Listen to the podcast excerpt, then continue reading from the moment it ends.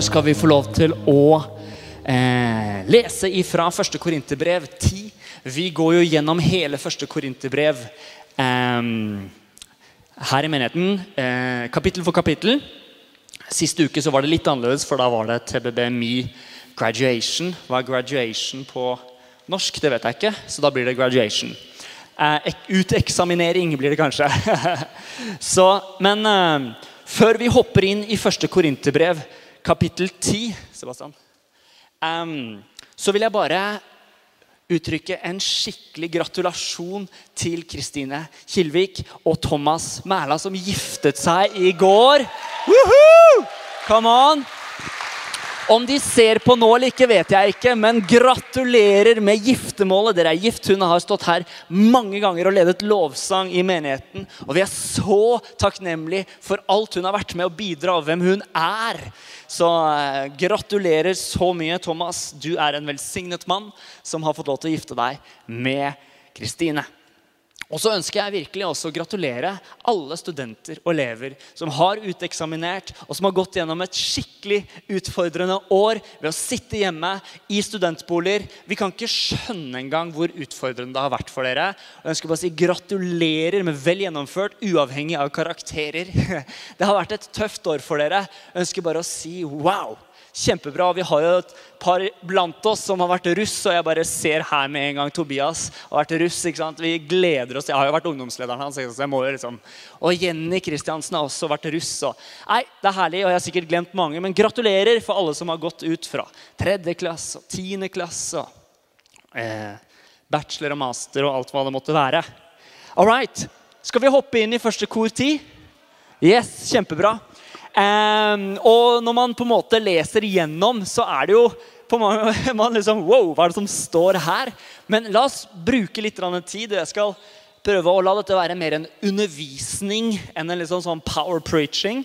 Der vi går litt kategorisk gjennom alle versene, så kommenterer vi på hvordan det her ser ut. Og det er jo veldig godt å lese ordet i sin helhet.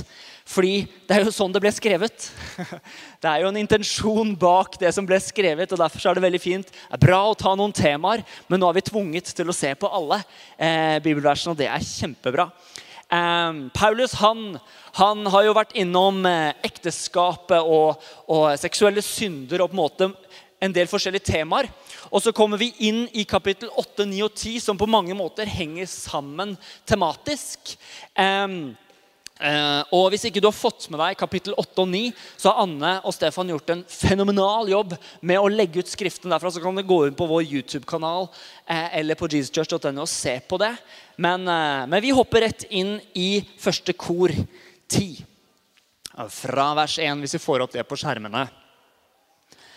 For jeg vil ikke, brødre, at dere skal være uvitende om at våre fedre var alle under skyen og gikk alle gjennom havet. Alle ble døpt til Moses, og i skyen og i havet. De åt alle den samme åndelige mat, og de drakk alle den samme åndelige drikk.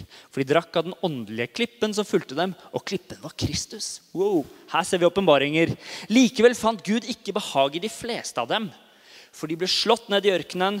Men disse ting hendte som forbilder for oss, så vi ikke ikke skal ha lyst til det onde, slik de hadde lyst til det. All right. Hvordan skal det her gå? Det skal gå bra, folkens. Um, så la oss stoppe opp et sekund og se på hva er det Paulus henviser til her. Og, og Paulus har jo forklart i kapittel 8 at man ikke skal lede en bror eller søster til fall ved å spise avgudsoffer eller på en måte ved å benytte seg av friheten vi har i Kristus. Og I kapittel 9 så går Paulus eh, inn på friheten både han selv og Barnabas har frasagt seg på mange måter til fordel for evangeliets fremgang. Han forteller at basert på loven har de mange rettigheter. Eh, det står jo det at, eh, at man skal leve ved evangeliet. Men vi ser at Paulus han arbeider ved siden av. Han vil ikke være til byrde. Eh, han sier i kapittel 9 18-19 så står det Hva er så min lønn? Jo, at jeg byr fram evangeliet uten vederlag når jeg forkynner det, slik at jeg ikke bruk av den rett evangeliet gir meg. Så vi ser at det var en rett ved evangeliet, men han benyttet seg ikke av den. For selv om jeg er fri overfor alle, så har jeg gjort meg til alles trell for å vinne så mange som mulig. Og Dette er med på å oppsummere mye av hva Paulus ønsker å formidle til korintermenigheten. Folkens, ikke lev for dere selv, for det har ikke Gud behag i. Det er som essensen av disse kapitlene 8, 9 og 10. Ikke lev for dere selv, lev for andre. Vær utadvendt. Ja, dere har frihet, men ikke misbruk friheten, for da kan andre falle. Nei, la oss sørge for at evangeliet går fram. Ta noen valg som kanskje koster deg litt, men hvis evangeliet går fram, så er det verdt det. Amen. Jeg bare ha litt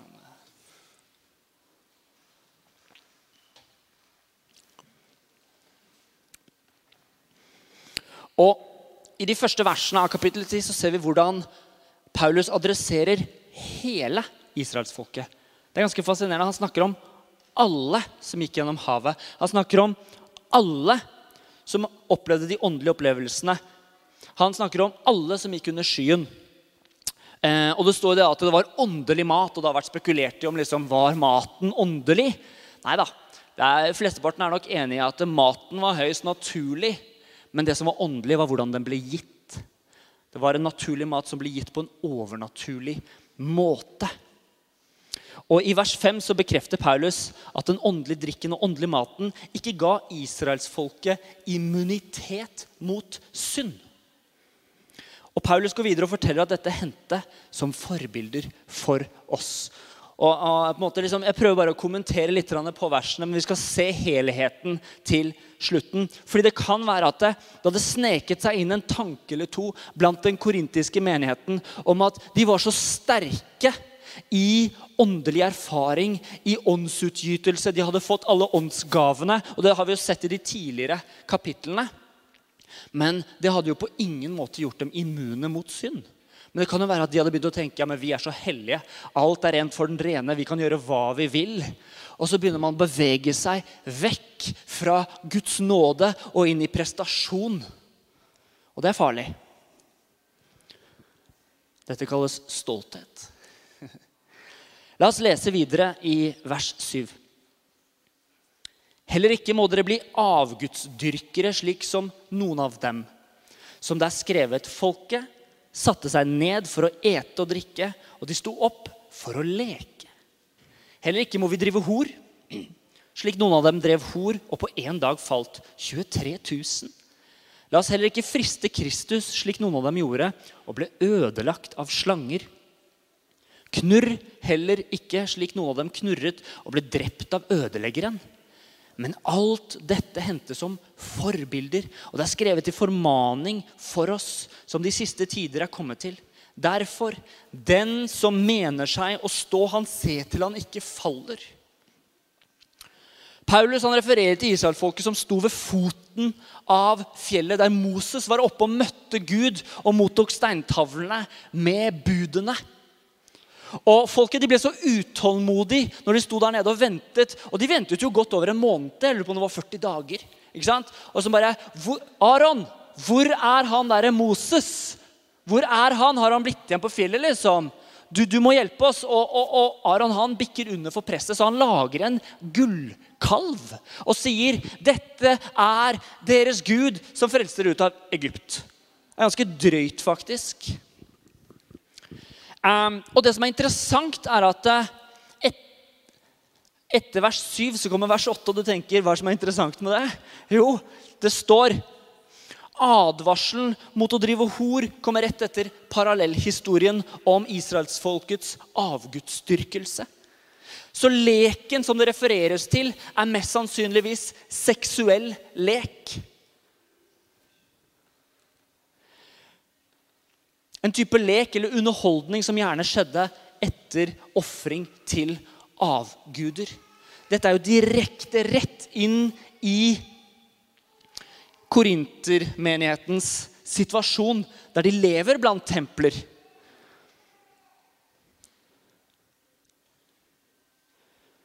Og Paulus eh, prøver ganske tydelig å peke mot at det som oftest er mer enn bare et måltid som skjer og foregår i disse templene hvor det ble avholdt avgudsdyrkelse. Det var noe mer. Det seksuelle var ofte koblet inn på det. Og Videre så formaner Paulus korinterne, men legg merke til at han identifiserer seg med dem. Han skriver 'oss'. Fordi Paulus viser at han selv ikke er immun mot synd. Vi kan ikke være immune mot synd. Det går ikke. Vi er alle inkludert i Guds frelsesplan. Og det står i Romerne 3,23 at vi står alle uten ære for Gud. Vi trenger nåde, vi trenger tilgivelse. Vi trenger å gå i tilgivelse hver eneste dag. Og det at Paulus faktisk refererer til Gamletestamentet, til en nytestamentlig menighet, burde faktisk gi oss ærefrykt for at Gud er den samme i går, i dag, til evig tid. Og vi ser at han skriver nok en gang, flere ganger, dette er til eksempler og forbilder for oss. La oss ikke vandre i synd slik som de gjorde, og ble ødelagt. Det fins en dom der framme, og Stefan snakket om det forrige søndag fra Judas brev. Dommen fins. Vi må ta det. Det er høyst på alvor.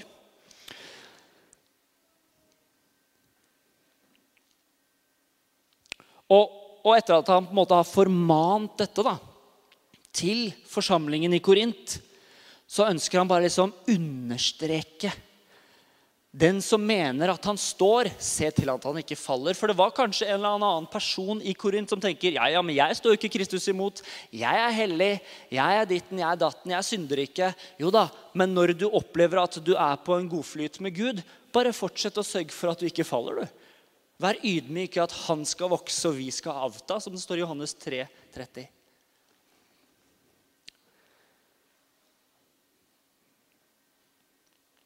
Alle er vi inkludert i dette. La oss aldri tro at vi er immune mot synd og verden rundt oss. Det er ganske viktige ord. Vi er i verden, men vi er ikke av verden. Så vi tar ikke del i verdens gjerninger. Og det er ganske tydelig i disse dager hva som finnes i verden. Vi burde ikke bli sjokkert over hva som skjer rundt oss. La ikke deres vrede opptennes over den onde. Bli ikke sure på prideflagg. La oss heller be for dem, velsigne dem, oppføre oss som kristne som elsker alle mennesker. Um, jeg opplevde at uh, en pastor jeg hadde for, uh, før jeg begynte i church, han, uh, han hadde en undervisning jeg husker ikke om det var en søndag eller bønnemøte. men virkelig, det var en skikkelig bra greie da, på at hva er hensikten din med å gå? var tema. Og Iblant så blir vi invitert på bursdagsfester, vi blir invitert eh, til å spise med jobben, vi blir invitert til ikke-kristne venner, som er så bra å gå til. Vi skal ikke være så hellige at ikke vi ikke kan blande oss med ikke-kristne, for vi ser at Jesus han var synderes og tolleres venn. Det er så viktig. Men han kom med et supertips. Han sa det at eh, når du drar på et sånt event, koble opp med en kristen broder eller søster og si ifra, slik at dere kan be sammen, så du har en hensikt med å gå. Fordi hvis du og jeg ringer til en pastor eller en leder eller en kristen venn om at jeg skal på den bursdagsfesten, kan ikke du stå sammen med at jeg skal få lov til å være lys og salt? Da skal jeg love deg, Du er mye mer bevisst over hvorfor du er der, hva du sier, for du vet at vedkommende kommer til å spørre deg i morgen. Du, hvordan gikk det? Du er så Det har en hensikt med å dra. Og Hvis ikke det fins en hensikt, kanskje du skal faktisk droppe den festen. da. Fordi, tro det eller ei, enten så blir man påvirket, eller så er det en påvirkning. Hva vil du være? Og Hvis vi linker opp med gode brødre og søstre, så er sjansen for at vi er en påvirkning, mye større. For jeg tror det er samme prinsippet her at én slår 1000 og to slår 10 000 er også her. Fordi det to eller tre blir enige om å be om, det skal dere få av min himmelske far i himmelen. Ikke sant? Så når vi er enige jeg, jeg, sier til min kone du, i dag skal jeg ta og treffe dem. Kan ikke vi ta oss og stå sammen? Ja, men Da står vi i enhet. Da er det sterkere. Gud er på laget. Han er alltid på laget. det er ikke det, Men det er bare at det, det er en bevisstgjøring rundt det. Det er nydelig. Hensikten. Vi hopper inn i vers 13-15, der det står Det har ikke møtt noen fristelse som mennesker ikke kan tåle. Og Gud er trofast. Han skal ikke la dere bli fristet over evne, men gjøre både fristelsen og utgangen på den, slik at dere kan tåle den. Derfor, mine kjære, vend dere bort fra avgudsdyrkelsen. Nok en gang, Han bare fortsetter å poengtere det. Vers 15. Jeg taler til dere som forstandige mennesker. Døm selv om det jeg sier. Guds kraft i oss er ufattelig stor, folkens. Og I 1. Johannes 4,4 så står det Mine barn, dere er av Gud og har seiret over dem. For Han som er i dere, er større enn han som er i verden. Men det er et viktig skille her. Det er ikke vi som er større, det er han som er i oss, som er større. Ikke sant? Amen. Jeg har prekt til kameraer så lenge nå at jeg må høre et lite amen. Bra. Det er deilig. Du, jeg skal si dere en ting og ta en joke. Når det sitter folk som må være musestille på første rad, fordi man tar, og så vet du ikke, ler folk når det er vanskelig. altså. Hallo! Vi har vært igjennom en ganske tøff uh, utfordring. Kanskje et luksusproblem, men uh, dog. Hvor var vi? det er Guds kraft i oss. Det er Guds kraft i oss. Og du vet at eh, Siden det er Guds kraft i oss og ikke oss selv som er større enn det som er i verden, så er det lurt å ikke oppsøke fristelse. Det vil jeg halvveis påstå å si. Det kan være lurt men når fristelsen kommer, det er når den kommer, at Guds kraft igjennom oss skal få lov til å skinne. Men vi går ikke ut og oppsøker fristelse fordi vi tror at vi er så innmari sterke i oss selv. Og Det er det jeg tror Paulus ønsker liksom formane. Slutt med dette avgudsgreiene. Slutt med disse greiene. Slutt å synde, fordi dere greier ikke dette i dere selv. Men det er han som er i dere, som er større. Det er han som er sterkere enn den som er i verden.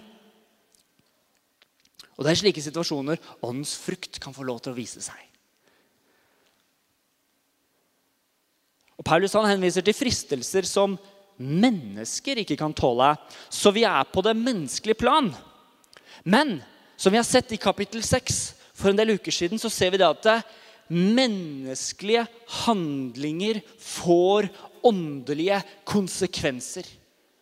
Menneskelige handlinger får åndelige konsekvenser. Og dette folkens, er superviktig at vi ser.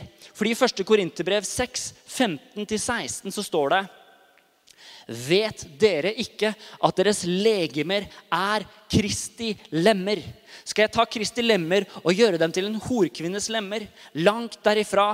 Eller vet dere ikke at den som holder seg til en horkvinne, er ett legeme med henne?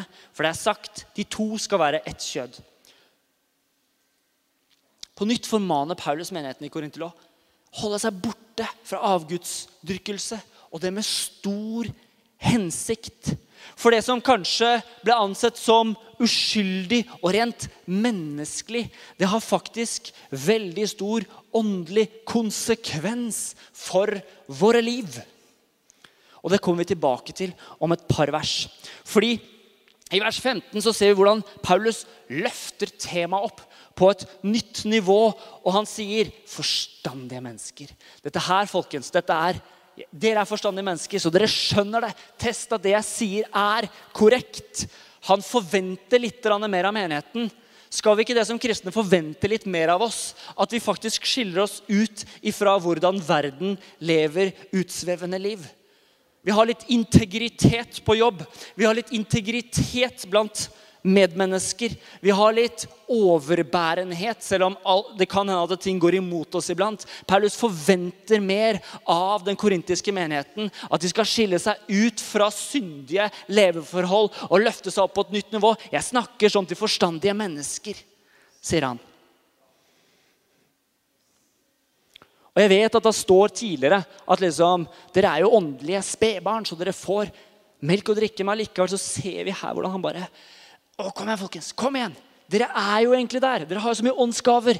Dere har jo vokst så mye med Herren. Kom igjen! Formaner dem som en skikkelig nødende far som ser at Øy, kom igjen, folkens! Skjerp dere, liksom. Dette her veit dere. Og så kommer vi inn i vers 16 og 17, som har på veldig mye, mange måter en relasjon til eh, nattverden. Og Der står det 'velsignelsens beger', som vi velsigner er det ikke samfunn med Kristi blod. Brødet som vi bryter, er det ikke samfunn med Kristi legeme. For det er ett brød, er vi, mange, eh, er vi ett legeme enda vi er mange. For vi har alle del i det ene brødet. Vi ser hvordan dette her, der Jesus veldig fysisk døde på et kors, hadde åndelige konsekvenser. Ikke sant? Våre fysiske handlinger har åndelige konsekvenser. Og Når vi tar del i nattverdsmåltidet som Jesus innstiftet, så gjør vi det fysisk. Men vi tror også at det har et åndelig aspekt ved seg. Ikke sant? Det er et måltid som man deler med alle troende og Jesus selv. Man forenes i det Jesus gjorde på korset for oss. Vers 18-22. Se til Israel etter kjødet, altså det fysiske. Har ikke de som eter ofrene, samfunn med alteret? Hva vil jeg si med dette? At det er noe avgudsoffer til? Eller at det er noen avgud til? Nei. Men at det som hedningene ofrer, det ofrer de til onde, de onde åndene. Og ikke til Gud. Men jeg vil ikke at dere skal komme i samfunn med onde ånder. Dere kan ikke drikke av Herrens beger og onde ånders beger. Dere kan ikke ha del i Herrens bord og i ånders, onde ånders bord. Eller tør vi egge Herren til nidkjærhet. Vi er vel ikke sterkere enn han? Her kommer vi inn på kjernen i Paulus' formaning ved å vende seg bort fra avgudsdyrkelse. Og Anne hadde jo en preken på kapittel 8 for tre uker siden der hun snakket om at det fins ingen avgud. Det, Paulus refererer til det fins ingen avgud, men det fins ånder som står bak disse avgudsnavnene og misbruker det. De gjemmer seg bak det. Og Det er jo her Paulus trekker fram åpenbaringen om at fysiske handlinger har åndelige konsekvenser. For han snakker og refererer til Israel etter kjøttet. Israel i det fysiske har vi ikke vi, Når vi eter brød og drikker vin, det er jo fysisk, men det har en åndelig konsekvens. Guds rike finnes ikke i både og. Selv om vi ofte kanskje skulle ønske det og tenke det kjødelig. Man kan ikke ha én fot i verden og én fot i himmelriket. Det går ikke. Fordi Jesus er veldig tydelig på dette i Matteus 5,37, der han sier La deres tale være ja, ja, nei, nei. Det som er mer enn dette, er av det onde. Det er ikke både og. Guds rike er veldig tydelig. Det er kanskje litt sånn motkulturs i dag, der liksom alt er fritt og lov og Ja, ja. Nei, nei. Og eh, Nå ønsker jeg å driste meg til å ta et skikkelig nåtidseksempel på avgudsdyrkelse. Er dere klare? Yoga. Mm, jeg må bare si det. Det er så farlig. Og Dere har kanskje hørt om kristenyoga. Og ja, men Det er god trening, man sitter i gode posisjoner, og så grunner vi på ord og Bibelen. Ok, Vet du at yoga er posisjoner som er dedikerte posisjoner til hellige skikkelser og guddommelige skapninger? Vi vet at det ikke er avguder. Da vet vi hva det er. Da er det demoner. Her er et lite utdrag fra en nettside som forklarer det ganske så bra. Jeg leser det på engelsk. As a way of connecting to, revering and praying respect to deities. Deities er guddommelige skapninger. Many yoga postures represent not just what the deity look like, but also everything they stand for. As we practice the posture, we put our focus on the energy and the essence of the deity and look to embody their qualities.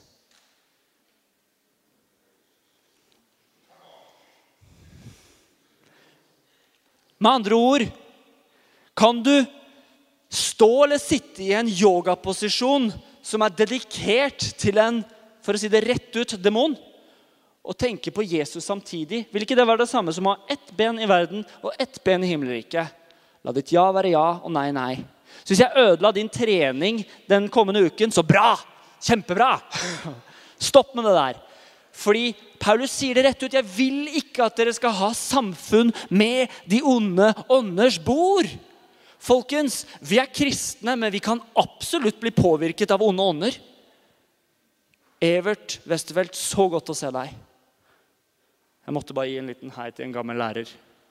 Jeg må bare hedre Evert Westervelt. Hvor gammel er du, Evert? 83. Han driver ungdomsarbeid i Moss.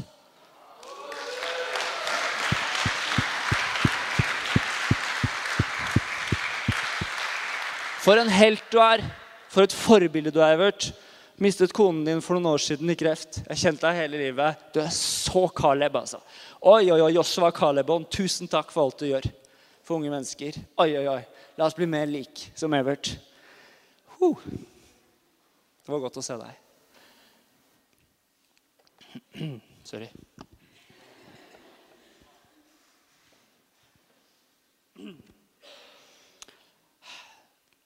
La oss ikke innvie oss selv til demoniske krefter, folkens. La oss passe på, fordi fysiske handlinger har åndelige konsekvenser. Det rører, vi, er, vi er født på ny ved Den hellige ånd, så vår ånd den er grei. Men vår sjel og vår kropp kan bli angrepet av onde ånder. Vær forsiktig med hva du gjør med den. Vi er tempelet for Den hellige ånd, folkens. Og det står til og med det at eh, jeg er korsfestet med Kristus, jeg lever ikke lenger. Jeg lever ikke lenger selv. Vi tilhører ikke oss selv. Vi tilhører Kristus. Vær forsiktig med hva du faktisk bruker kroppen din til. For det er et, det er tempel for det åndelige. Så tror du da din fysiske bruk av tempelet har åndelige konsekvenser? Ja. Paulus han er så nidkjær for menigheten. Hallo! vers 23 og 24. Jeg har lov til alt, men ikke alt gagner. Jeg har lov til alt, men ikke alt oppbygger. Ingen må søke sitt eget, men heller det som er til gagn for nesten. Paulus poengterer her friheten som vi som mennesker har i Kristus, som vi har ved den nye pakt. Men friheten skal ikke brukes for oss selv. Friheten skal brukes for sin neste. Til å velsigne, til å forkynne evangeliet. Også til å begrense oss. Ja, men jeg kan gjøre det fordi jeg er fri. Jo da, men hvis det fører en annen til fall Det har vi jo hørt tidligere. Nå skal vi lese de gjenværende versene i ett stykke fra 25 til 33 pluss kapittel 11, vers 1, for det henger i sammenheng. Alt det som blir solgt i slakteboden, kan dere ete uten at dere for samvittighetens skyld spør mer etter det. For jorden og alt som fyller den, hører Herren til. Dersom noen av de vantro innbyr dere, og dere vil gå dit, da et alt som settes framfor dere, uten at dere for samvittighetens skyld spør mer etter det. Men dersom noen sier til dere, 'Dette er offerkjøtt', da la være å ete det. For hans skyld som sa dere det, og for samvittighetens skyld. Jeg mener ikke at deres egen samvittighet, men nestens. For hvorfor skal min frihet dømmes av en annen samvittighet? Når jeg eter noe med takk, hvorfor blir jeg da spottet på grunn av det jeg takker for? Enten dere eter eller drikker, eller hva dere så gjør, så gjør det til Guds ære. Legg merke til at han sier hva enn dere gjør, er veldig fysisk, gjør det til Guds ære åndelig konsekvens. Vær ikke til anstøt verken for jøder eller for grekere eller for Guds menighet. Slik prøver også jeg alle ting og gjør det beste for alle. Jeg søker ikke mitt eget gagn, men de manges, slik at de kan bli frelst. Bli mine etterfølgere, like som jeg etterfølger Kristus. Og jeg vet at hvis jeg spiser en kebab i dag, så er det mest sannsynligvis halalkjøtt. Har det påvirkning på meg? Nei. Har det påvirkning på min neste? Mest sannsynligvis ikke. Men jeg tror at det, det Anne snakket om for et par uker siden, det med alkohol f.eks., det er ett eksempel på hvordan vi kan lede vår neste til fall. Så når det er snakk om avgudsdyrkelse, offerkjøtt, så, så, er det veldig veldig på en måte bokstavelig, men vi kan trekke det utover. Hvordan er det vi lever våre liv? Og han, han, sier jeg snakker som til forstandige mennesker. Så nå sier jeg til alle her i dag dere er forstandige mennesker. Pass på hvordan dere lever deres liv. Fordi hvordan vi lever våre liv, har mye større kraft i seg enn hva vi sier iblant. Hvordan er reaksjonen din når du er på jobb på skolen, blant venner, noe annet skjer? Og, og, jeg husker For en del år siden så, så jobbet jeg på Peppes Pizza. Og så var det et par av gutta som lurte på hvorfor jeg ikke bannet. Og liksom, Selv når du skader deg, hvordan greier du å holde banneordene inni munnen?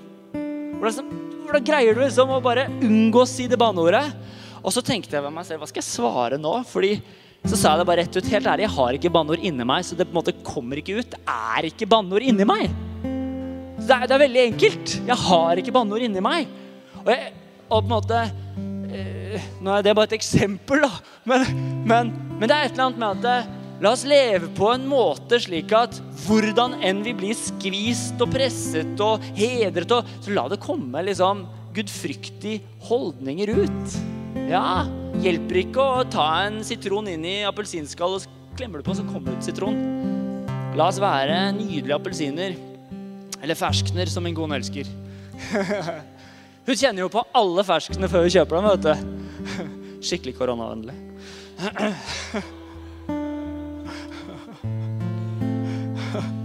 Sorry. Bortskjernot. Det var ungarsk, for unnskyld. Ja, ja, det Vi har en ungarer blant oss. Halleluja.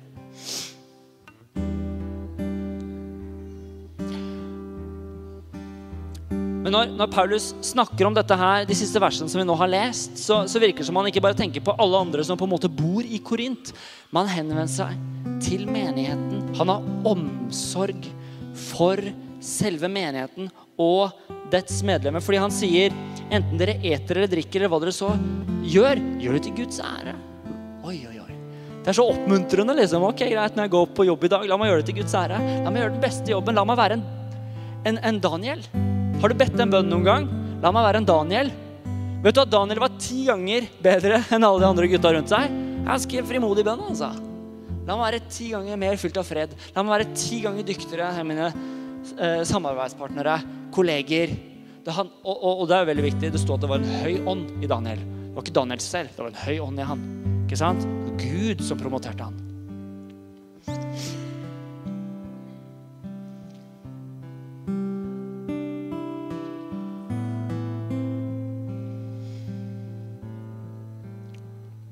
Jeg tror vi skal avslutte der bare liksom poengtere det siste til slutt. da, At eh, når vi sørger for å være vi åpne for Guds inngripen i våre liv, så er det umulig å ikke gi det videre. For Paulus han snakker hele tiden om at det liksom, ja, men la oss leve i friheten for andre. Jeg har blitt dette for mine brødre. Jeg er dette fordi jeg er blitt til alle for alle. Sånn at evangeliet skal få lov til å gå fram.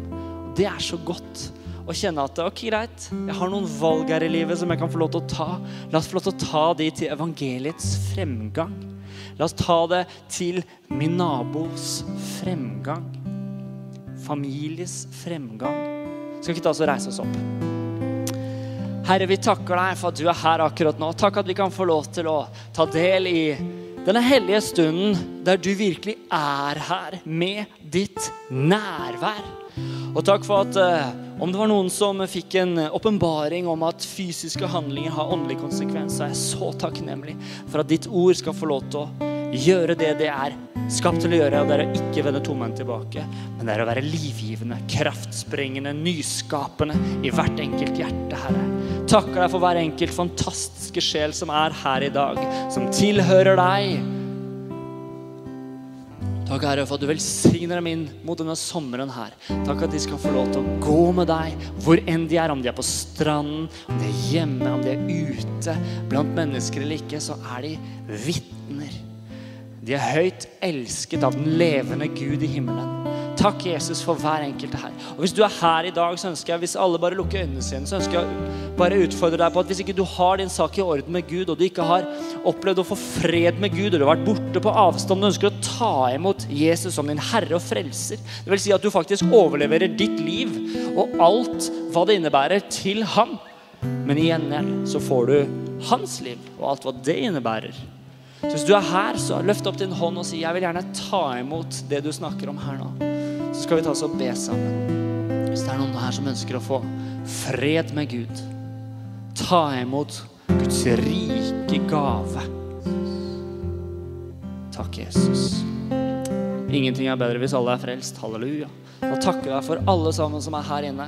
Takk at de skal være mer bevisst over ditt nærvær. Når vi er bevisst, så kjenner vi også ditt nærvær rent fysisk.